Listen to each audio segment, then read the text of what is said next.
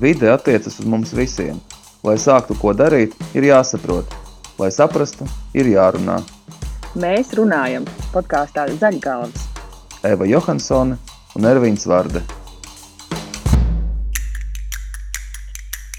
Sveiki! Jūs klausāties podkāstu Zaļgalvis, kuru vada Eva Johansone un es Ervīns Vārde. Un šodien mūsu viesņi ir Agita Kraukle, kas ir saistīta ar organizāciju Pāēdušai Latvijai. Un tad nu, man pirmais jautājums ir, kas tas vispār ir? Un uh, kas vispār ir pārtikas banka, kas ir virs šīs organizācijas, ja es pareizi saprotu? Pārtikas banka pēdušai Latvijai ir daļa no Latvijas samariešu apvienības. Tas ir samariešu apvienības vadīts labdarības projekts, kura mērķis ir uh, sniegt atbalstu ar pārtiku trūkumā nonākušajām ģimenēm, bērniem, senioriem un personām ar invaliditāti. Mūsu tāda nu, tā atšķirības zīme, ja tā var teikt, ir tas, ka mēs palīdzām tām ģimenēm un personām, kurām ir zem ienākumi un kuri birokrātijas dēļ nevar saņemt trūcīgā vai maznodrošinātā statusu. Un, ja šī statusa nav, tad bieži vien ir arī liekta iespēja saņemt tā sauktās Eiropas pakas, dažāda veida sociālos pabalstus. Nu, respektīvi, cilvēks birokrātijas dēļ ir izkritis no sociālās palīdzības sistēmas. Nu, lūk, un, uh, mēs cenšamies palīdzēt tieši šiem cilvēkiem, nu, vismaz kaut kādā veidā, jo tas cilvēks ir nonācis krīzē, un viņam vajag kaut kādu atbalstu no līdzcilvēkiem, lai viņš neiekļūtu vēl lielākā krīzē. Man pārtikas banka asociējas ar banku. Kā tas fiziski izskatās? Tur jums ir seife ar pārtiku? nu, negluži mums ir um, tālažas paletes ar pārtiku. Nu, respektīvi, jā, ja, ja banka ir tāda vieta, kur kaut ko uzglabā un kaut kas nāk iekšā un iet ārā, nu, tad mūsu stāsts ir ļoti līdzīgs. Mums ir pārtika, kas ir pārtikas ziedojuma veidā. Mēs uh, pieņemam, dodam tālāk citām organizācijām, kaut ko nedaudz arī pieturam krīzes brīžiem, jo nu, tagad ir īpaši Covid laikā nu, tās situācijas mainās uh, ik pa stundām, ik pa dienām. Vienmēr ir jābūt kaut kādai nu, rezervītei, ja, uzkrājumam, lai spētu ātri palīdzēt kādā ārkārtas situācijā. Vai Covid laikā tieši šobrīd ir vairāk šo ģimeņu un cilvēku, kuriem vajag palīdzību? Kopumā ņemot, jā, pagājušajā gadā, kad tas viss ar Covid mums sākās, mums bija ļoti strauji pieaugums pēc palīdzības. Nu, tā vidēji rēķinot, mums pagājušajā gadā pieaugums bija aptuveni 20%, un visvairāk tas bija tieši no ģimenēm un bērniem. Senioriem un invalīdiem tā pa lielam nekas nemainījās. Viņi kā saņēma savus pabalstus, pensijas un ko tur vēl, tā arī saņēma. Viņiem viss paliek kā ir. Bet uh, ģimenēm un bērniem tur tas stāsts bija tāds, ka bieži vien tam mūsu, nu, tai mūsu ģimenei, kas pie mums nāk, viņiem tikai viens no vecākiem strādā. Vai visbiežāk tā ir vispār uh, viena vecāka ģimene. Nu, lūk, ja pēkšņi samazinās ienākumi, kāds zaudē darbu vai algas samazinās, tad viņi ir tiešām tādā reālā krīzē. Viņi nevar uh, iztikt ar to, kas viņiem ir. Un vēl ņemot vērā to, ka bērni sēž mājās, kad notiek attālinātās mācības. Ja mēs runājam par apjomiem, kāda ir tā produkta aprita ikdienā? Nu, šobrīd mēs mazliet esam pielāgojušies šeit, Covid atkal, ja tā pieminām. Mēs divas reizes gadā rīkojam pārtiks paku vākšanas akciju Rīgā veiklos. Sakarā ar pandēmiju mēs šīs akcijas, diemžēl, nevaram rīkot. Mēs vairāk vai mazāk esam pārgājuši uz uh, ziedojumu pieņemšanu no lielveikaliem, no ražotājiem, vairumtirgotājiem. Tāpat mums arī ir ļoti daudz privātpersonu, kas ziedo produkciju, piemēram, uh, kolektīvā izveido kādu labdarības uh, akciju, savāc pārtiku atved mums. Uh, tāpat cilvēki joprojām turpina ziedot. Ziedo naudiņu. Uh, par kuru mēs pērkam produktus par vairumtirdzniecības cenām. Bet jautājums par personīgo motivāciju. Kā tu tur tiki un kas tev vispār mudina ar to nodarboties? Jo, cik es saprotu, tā ir vienkārši labdarība un ar, ar finansējumu un realitāti nesaistīts jautājums. Oh, nu, mans stāsts ir tāds, ka uh, es sāku aptuveni 18 gadu vecumā, kā brīvprātīgā ziedot LV. Tad, kā jau visiem augstskolā pašiem bija jāmeklē sava prakses vieta, Brūta Divants man labi paņēma pie sevis. Es gadu pie viņām nostrādāju, arī daļēji kā projektu vadītāju. Un tad nāca piedāvājums pie samariešiem vadīt pārtiks banku. Nu, es noriskēju, jo man jau bija zināmā veida pieredze un iemaņas darbā ar reģionālajām organizācijām, ar projektu vadību. Nu, tā jau es gandrīz gadus deviņus rastīti vadu šo projektu. Nu, mot, personīgā motivācija man ir tāda, ka uh, manam darbam ir pievienotā vērtība. Tas nav tikai papīri, visādas atskaites, bet uh, man ir iespēja reāli kādam palīdzēt. Tu mums esi ļoti interesanti ar to, ka mēs zinām, ka pasaulē lielākais piesārņotājs ir šī pārtikas industrija. Un mūsu pēdējā zaļgāvas sērija tieši bija par šo ēdienu, ēdienu mešanu laukā, pārpalikumiem, ko mēs varam darīt mājās un kopumā sabiedrībā. Un Tu jau, kā minēji, daudzus gadus strādā ar pārtikas banku. Tas nozīmē, ka pārtiku esi pētījusi daudz. Saki, kā ir, kurš visvairāk met laukā to pārtiku, un kas ir tie produkti, ko cilvēki visbiežāk izmet ārā? Nu jā, kā jau es iepriekš arī raidījumā teicu, mēs mazliet dzīvojam tādā stereotipā, ka visvairāk pārtikas izmet veikali un ražotāji. Bet tā nav pēc dažāda veida aptaujām un arī pēc dzīves skatoties, visvairāk pārtika izmet tieši mājsaimniecības. Jo mājsaimniecība nopērk pa daudz, kaut kas paliek pāri, kaut kam beidzās termiņš, produkts sabojājās, un tas vienkārši tiek izmests atkritumos. Veikali un ražotāji ļoti skatās uz saviem procesiem, uz saviem iepirkumiem, viņi nav vērsti uz to, ka eh, kaut ko saražo par daudz vai iepērk par daudz, un tas beigās netiek izlietots un rada viņiem zaudējumus. Ļoti forši ir tas, ka nu, pēdējos piecos gados um, mēs nu, kā sabiedrība un arī kā uzņēmēji esam sākuši domāt par pārtikas atlikumiem kā tie radās, kur tie radās, kā mēs varam samazināt, tiek rīkotas dažādas kampaņas, tāpat arī likumdošana tiek sakārtot šajā jautājumā. Un man ir liels prieks par to, ka šis jautājums patiesībā tika iekustināts pateicoties tādam sabiedrības spiedienam. Bet uh, tu minēji veikalus un, un to, kas mums šķiet tas bēdu avots pārtikas izmešanā, bet Es saskāros nesen, ka ir starpības starp marķējumu uz produktiem ieteicams līdzi un derīgs līdzi. Un varbūt varētu sīkāk izstāstīt, ko tas nozīmē un ko tas nozīmē šādā tieši kontekstā. Derīgs līdzi ir attiecināms uz produktiem, kas ir svaigā pārtika un dzīvnieku izcelsmes produkti. Un šis termiņš ļoti strikti nosaka datumu, līdz kuram šo produktu var lietot. Respektīvi, svaigā gaļa, ja viņa ir derīga līdz 1. aprīlim, tad viņa arī ir derīga līdz 1. aprīlim. Pēc termiņa beigām ir ļoti liela iespējamība, ka šis produkts vairs nav lietojams uzturā. Viņš ir pat kaitīgs veselībai, viņš var būt ar dažādām baktērijām, augu sēnītēm. Bet tas, kas attiecās uz ieteicams līdzi, tie ir dažādi graudaugi, visa sausā pārtika, konservēti produkti. Šis termiņš norāda to datumu, to laika posmu, līdz kuram šim produktam nemainās ražotāju noteiktie kvalitātes standarti. Nu, piemēram, makaroni. Ja? Mēs visi zinām, ka makaronus var lietot arī pēc termiņa beigām. Pēc esošās likumdošanas visi produkti, kuriem ir ieteicams līdz termiņš, ir lietojami vēl vismaz divus mēnešus pēc termiņa beigām. Šajos divos mēnešos nekam sliktam ar to produktu nevajadzētu notikt. Kas notiek pēc tam, nu, tā jau ir tāda cilvēka paša atbildība, vai viņš uzņemās šo produktu lietot. Bet pamatā tas, kas var notikt, var zust uh, garša, krāsa un tekstūra, bet viņš nekādā gadījumā nu, nepaliks tik slikts, ka viņu nevar lietot, ka viņš nu, kādu noindē. Es arī skatos statistiku, jā, ka tiešām uh, apmēram tikai 5% veikali un restorāni izmet laukā šo produkciju. Mājasēmniecības ir tas lielākais ārā metējs. Varbūt ir tādi praktiski padomi, kā nemest laukā pārtiku. Piemēram, viens veids, kas man ģimenē strādā, ir, mums vienkārši nav leduskapja. Mēs tiešām pērkam to, ko vajag, un cenšamies izlietot, jo mums vienkārši nav kur viņu glabāt, šo pārtiku. Varbūt tev ir kādi padomi.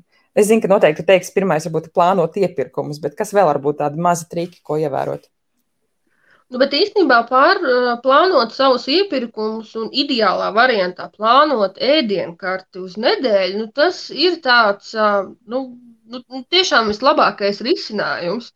Uh, otrs, kas ir, uh, nu, mēs vienmēr gribam kaut ko pamēģināt, kaut kādu jaunu produktu, skaists iepakojums, bet uh, varbūt pirms tam ir tiešām jāizvērtē, vai, vai mēs gribam pamēģināt to jauno. Jo nu, mūsu sabiedrība ir tāda diezgan tāda konsekventa. Mēs ēdam vienu baltmaizi, un mēs arī ēdam. Mums ir, ir tā vēlme pagaršot citu maizīti, bet tad mēs viņu nopērkam. Ai, nē, man negaršo, man tomēr tā mana vecā labā baltmaize garšo labāk.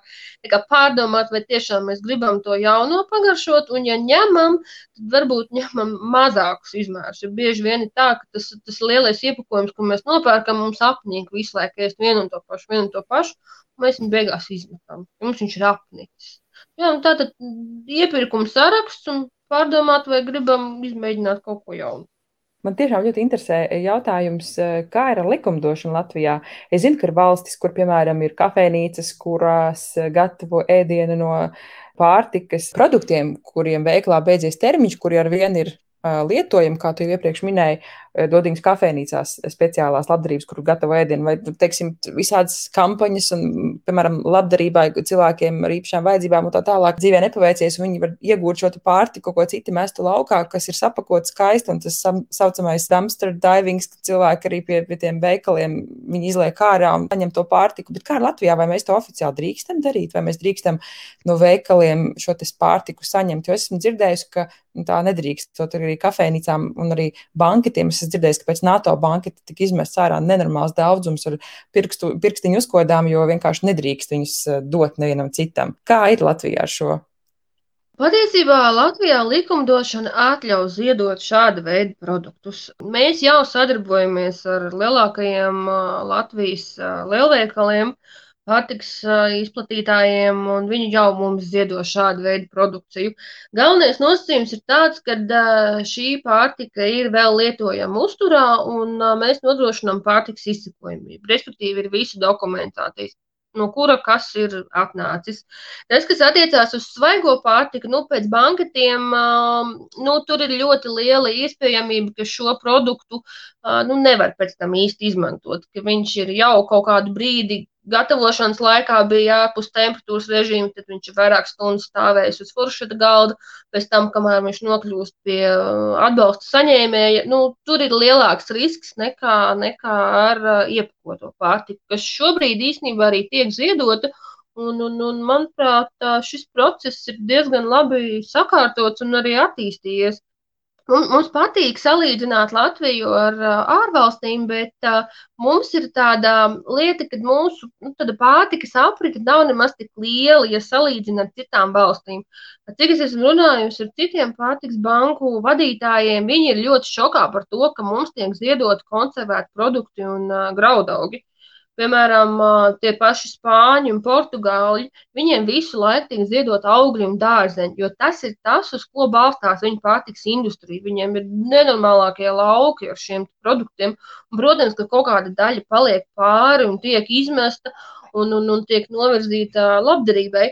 Bet mūsu gadījumā mums nav tik daudz to svaigo produktu, kas iet uz zudumā. Mums ir uh, dažādi graudaugi, Bet graudāgajiem atkal tas stāsts, ka viņiem tas termiņš ir tik liels, ka jābūt nu, mega lielai kļūdai pieļautai, lai tas produkts vai nu viņam beigtos termiņš, vai būtu kaut kāds, nu, tur, kaut kāda problēma ražošanas tajā līnijā.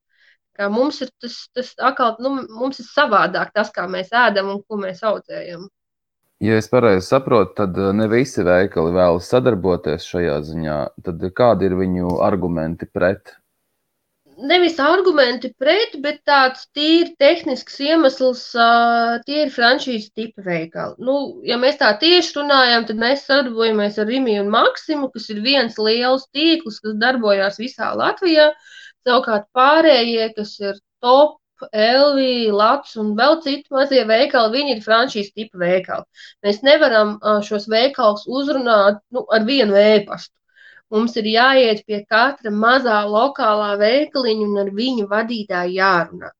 Un uh, te ir tāds aspekts arī, kad uh, visvairāk uh, pārtikas, kas paliek pāri tieši kā, nu, veikalu tajā jomā, ir uh, pilsētās, lielajās pilsētās. Uh, Maksima pat veica tādu iekšēju pētījumu, viņi secināja to, ka laukos viņiem tiešām nekas nepaliek pāri, jo tur arī ir nu, tāda savu veidu plānošana, un uh, mums kā pārtiks bankai nav īsti izdevīgi resursu ziņā braukt pakaļ vienam, diviem uh, maisa kukuļiem.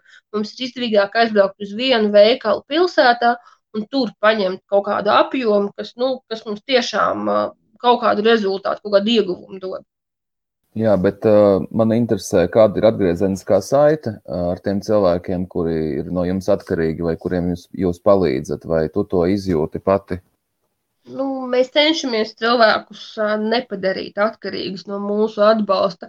Mūsu atbalsts ir sešas reizes, nu, sešas pakas, un tad jau pēc tam mēs izvērtējam, kāpēc šim cilvēkam tā palīdzība ir vajadzīga ilgstošāk. Tas, ko cilvēki saka, nu, protams, ka cilvēki ir pateicīgi.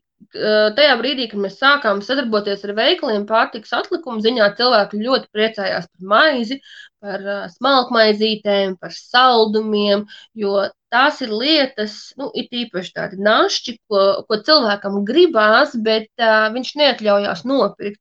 Un tad mēs esam tie, kas viņam to našķīti iedod, un viņam ir tāds, tāds prieks un tāda, nu, tā kā, nu, dvēselē tāda našķis, ja tā var teikt.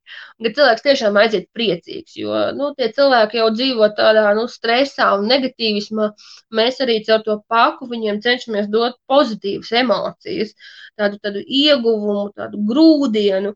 Un, uh, tas varbūt mūs atšķir no tādas sociālās sistēmas, kas ir ļoti tāda, nu, tāda dogmatiska, tāda birokrātiska. Mēs tomēr pieejam elastīgu, mēs vienmēr cenšamies to cilvēku nu, kā, uh, sagaidīt un pavadīt ar tādu smaidu sejā, lai arī viņiem būtu kaut kāds nu, emocionāls iegūms, ne tikai praktisks. Bet saki, cik vispār tu bieži saskaries ar kaut kādu negatīvu attieksmi vai par to, ka tas, tas ir bezjēdzīgi, ka tā ir izvēle, viņu stāvoklis šā brīža to cilvēku? Cik bieži tu to dzirdi? Šādi teksti nav bieži. Viņi šādi un tādi parādās. Jā. Nu, mums ir arī tāds iekšējs uzstādījums, ja mēs jūtam, ka tas cilvēks jau sāk mūs izmantot, mēs viņam strikti pasakām, viss šī ir pēdējā reize tev tālāk ir jāiet un jādara pašam. Mums ir arī ļoti laba sadarbība ar sociālajiem dienestiem, sociālajiem darbiniekiem. Mēs arī caur viņiem kaut kā cenšamies to cilvēku novirzīt uz, uz, uz uh, nu, labo, pozitīvo pusi, uz kaut kādām labām pārmaiņām viņa dzīvē.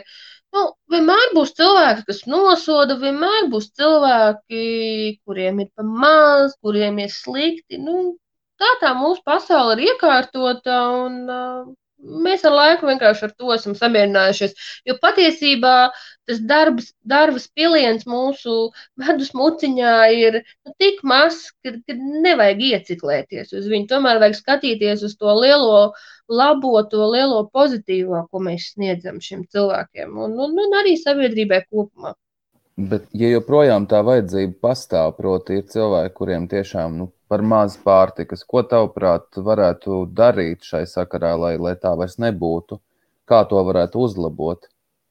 Um, tā ir liela utopija, ko man liekas, nemaz nevar realizēt, kad mēs visi būtu pārtikuši un uh, mums nevajadzētu labdarības organizācijas un, un, un vispār tādu sociālo palīdzību. Nu, piemēram, uh, Vācija. Ja? Vācijā pārtiks banka izveidojās uzreiz pēc otrā pasaules kara. Viņa ir aktuāla joprojām, un viņiem tas apjoms, nu, ja mēs atkal gribam salīdzināt vienu ar otru, ja, tad viņus uh, un mūsu salīdzinot, tad uh, nu, viņiem ir nenormāls apjoms. Viņiem joprojām ir pieprasījums. Labi, varbūt tur tas uh, kontingents ir nomainījies no, no pilsoņiem, nu, ja tā var teikt, uz ieceļotājiem, uz imigrantiem, bēgļiem.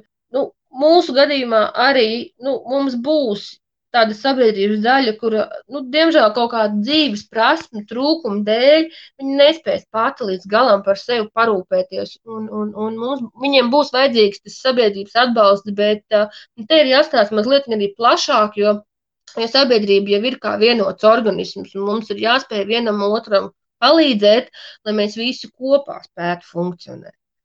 Nu, protams, te ir jāizvērtē tas stāvoklis, līdz kuram mums ir jāpalīdz, lai cilvēki nekļūtu nu, tādi atkarīgi un paši neko negribētu. Tur ir tā trauslā robeža, bet nu, tādu pilnīgi neiecietību mums mm, neieinteresētību citu problēmās noteikti nevajag um, aktualizēt un, un, un vairot. Gadu gaitā ir mainījušies paradumi, kā mēs ēdam. Mēs arvien uh, eksotiskākus uh, augļus iegūstam veikalos, un kafejnīcas arvien eksotiskākas receptes, un nu, tā kā tā ēdienkarte kļūst arvien globālāka kas nozīmē to, ka arī tie ceļi, pa kuriem ēdiens nonāk veikalos, ir, protams, ar lielāku ekoloģisko pēdu. Eh, vai tu pati ievēro varbūt eh, kaut kādus eh, mazus likumus priekš sevis, kad tu iepērcies, kad tu izvēlies kādu pārtiku, tu izvēlies sev un lietas savā grozā? Nu, es cenšos izvēlēties uh, vietējā ražojuma pārtiku. Arī pēdušajā Latvijai sākuma posmā bija tāds uzstādījums, kad uh, mēs pērkam vietējos produktus, kas ir ražoti šeit pat uz vietas. Uh, cenšamies pie tā pieturēties arī tagad. Nu, Godīgi sakot, protams, ir lietas, kas, nezinu, tur Polijā vai Lietuvā ražotas, ir lētākas, un vienkārši mēs skatoties no tādas finansiālās puses, lai par mazāk naudu nopirkt vairāk, nu, mēs nopērkam citu zemju produktus. Bet, bet nu, jā, gan, gan projektā, gan arī es pati cenšos pirkt tiešām vietējo produktu. Nu, arī uz augļiem un dārziņiem attiecībā. Varbūt arī tādu sezonalitāti ievērot. Kas ir tas, tās pārtikas grupas, kas visbiežāk tiek ziedotas? Tie ir tie paši nosauktie graudu augi vai kaut kas cits? Visvairāk, ja mēs tieši no veikaliem skatāmies, tad tiek ziedota maize, bakalejas produkti un dažāda veida saldumi. Kā mēs ar veikliem paši runājam, acīm redzot, mūsu sabiedrība kļūst, vai vismaz grib būt veselīgāka. Ja? Un, un, un tā izvairīsimies no saldumiem un no maizītes. Ja? Tas, kas varbūt nāk no, no vairuma tirgotājiem, jā, tur ir vairāk pakotā, safasētā produkcija. Nu, tas ir izskaidrojums ar to, ka notiek kaut kāda kaut kāds ČP pasūtījumā un loģistikā. Un, piemēram, mums ir bijuši gadījumi, kad mums noziedo olīveļu, jo uzņēmums ir pasūtījis daudz, un tas termiņš ir jau tuvu beigām, viens līdz divi mēneši, un veikali pretī šo produkciju vairs neņem. Jo veikalam ir vajadzīgi vismaz seši mēneši produktu termiņš, lai viņš viņu liktu savā plauktā. Nu, lūk, un tad šis vairumtirgotājs nozieto to eļļu mums, jo nekur citur patiesībā viņš viņu vairāk arī nevar izlietot. Un vai tagad, piemēram, gatavojot ēst vai pati ēdot un zinot, ka citiem cilvēkiem ir nepieciešams ēdiens, varbūt arī pati savā ikdienā gatavojot, piedomā, pagatavot tik cik apēdīs, lai kaut ko neizmest laukā, jo nu, tu ikdienā satiec cilvēks, kuriem ir nepieciešams ēdiens, un tad, man liekas, ja pats tā kā to redz, tad sāc uzreiz tā piedomāt, kā ir ar tevi. Jā, jā, par to piedomā, bet man ir divi atkāpšanās ceļi. Man ir saldētava, kas uh, izglābs pasauli, un man ir uh, kompostkaudzene, kas arī izglābs pasauli. es, starp citu, nesen vadīju tieši diskusiju par komposta gatavošanu, un kas ir interesanti, divas lietas. Marinēšana un komposta gatavošana sāk kļūt uh, iecienīta jauniešu vidū. Kādreiz marinēšana un kompostēšana likās tā ir vecāku lieta, tas notiek tikai laukos. Un tas ir kaut kas tāds, ko dara vecākā paudze, seniori. Bet nu, man šķiet, ka līdz ar tādu veselīgāku dzīvesveidu un domāšanu par eh, ekoloģiskām izvēlēm, šī marinēšana un kompostēšana ir nākusi modē. Kāda veida komposts ir tev? Tev ir laukā komposts vai māja dzīvokļa komposts? Nē, man ir uh, laukā dārzā, pie sēdes, pie kaimiņu sēdes. Bet man, man ir tāds komposts, kas veidojās gadiem ilgi. Uh, kas ir liela čupa, kas veidojās nevis tur vienu, divu mēnešu laikā, kas ir vairāk paredzēts um, dzīvokļiem, bet man tiešām tāds mazsveidīgs.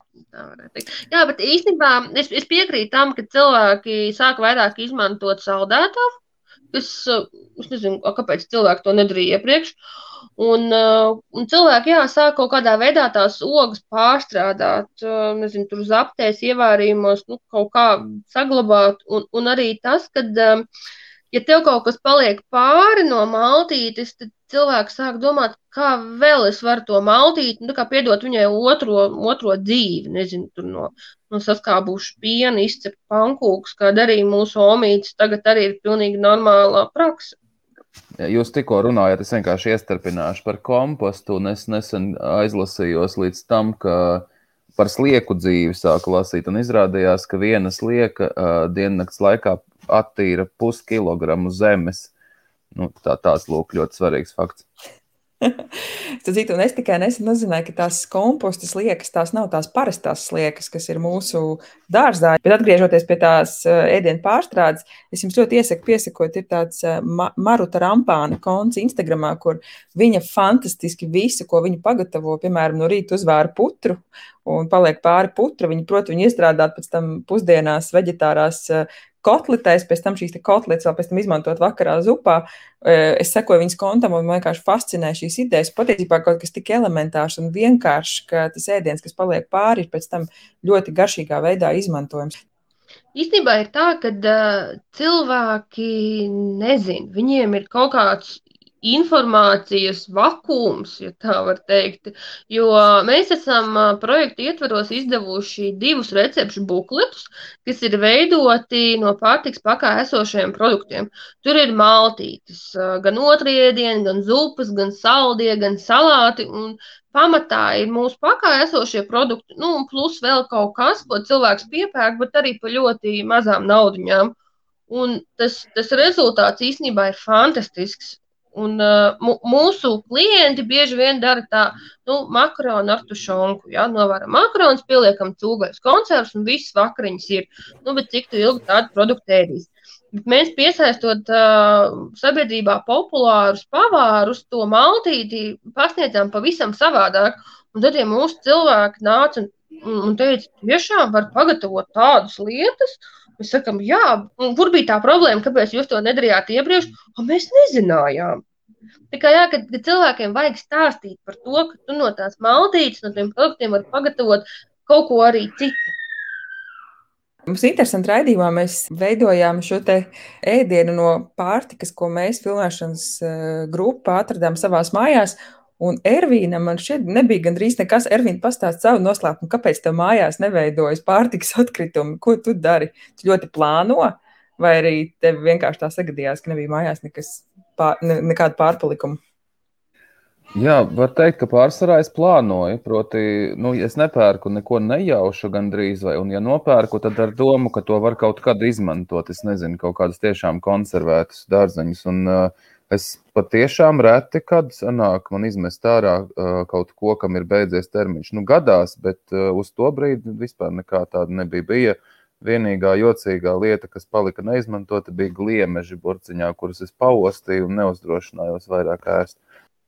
Kāpēc tika piekti gliemeži? Nu, arī gribējās pāreksperimentēt. Tieši, ja? jā, tieši šī iemesla dēļ, ka, ka, ka saprāts nav permanents diennakts laikā. Viņš te parādās, te izzūd. Es vienkārši gāju, ieraudzīju un nopirku. Nu, ja viņi būtu labāki, pēc smaržas viņi tiktu apēsti, bet, diemžēl, viņiem bija cits viedoklis par to.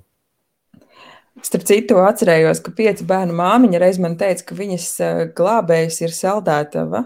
Tu vairāk kārt pieminēji saldētavu šajā sarunā, un viņa teica, viņai ir pieci bērni, viņai jāplāno tās maltītes nedēļas garumā un jādomā, kā pabarot bērnus visu laiku, ka, ka viņa atgādināja, ka intervijā, ka visu var sasaldēt un jebko, ko pagatavo, sākot ar plovu, beidzot ar, ar dažādiem dārziņiem un cautēm, to visu var salikt un sasaldēt un pēc tam ļoti ērti ņemt laukā un pagatavot.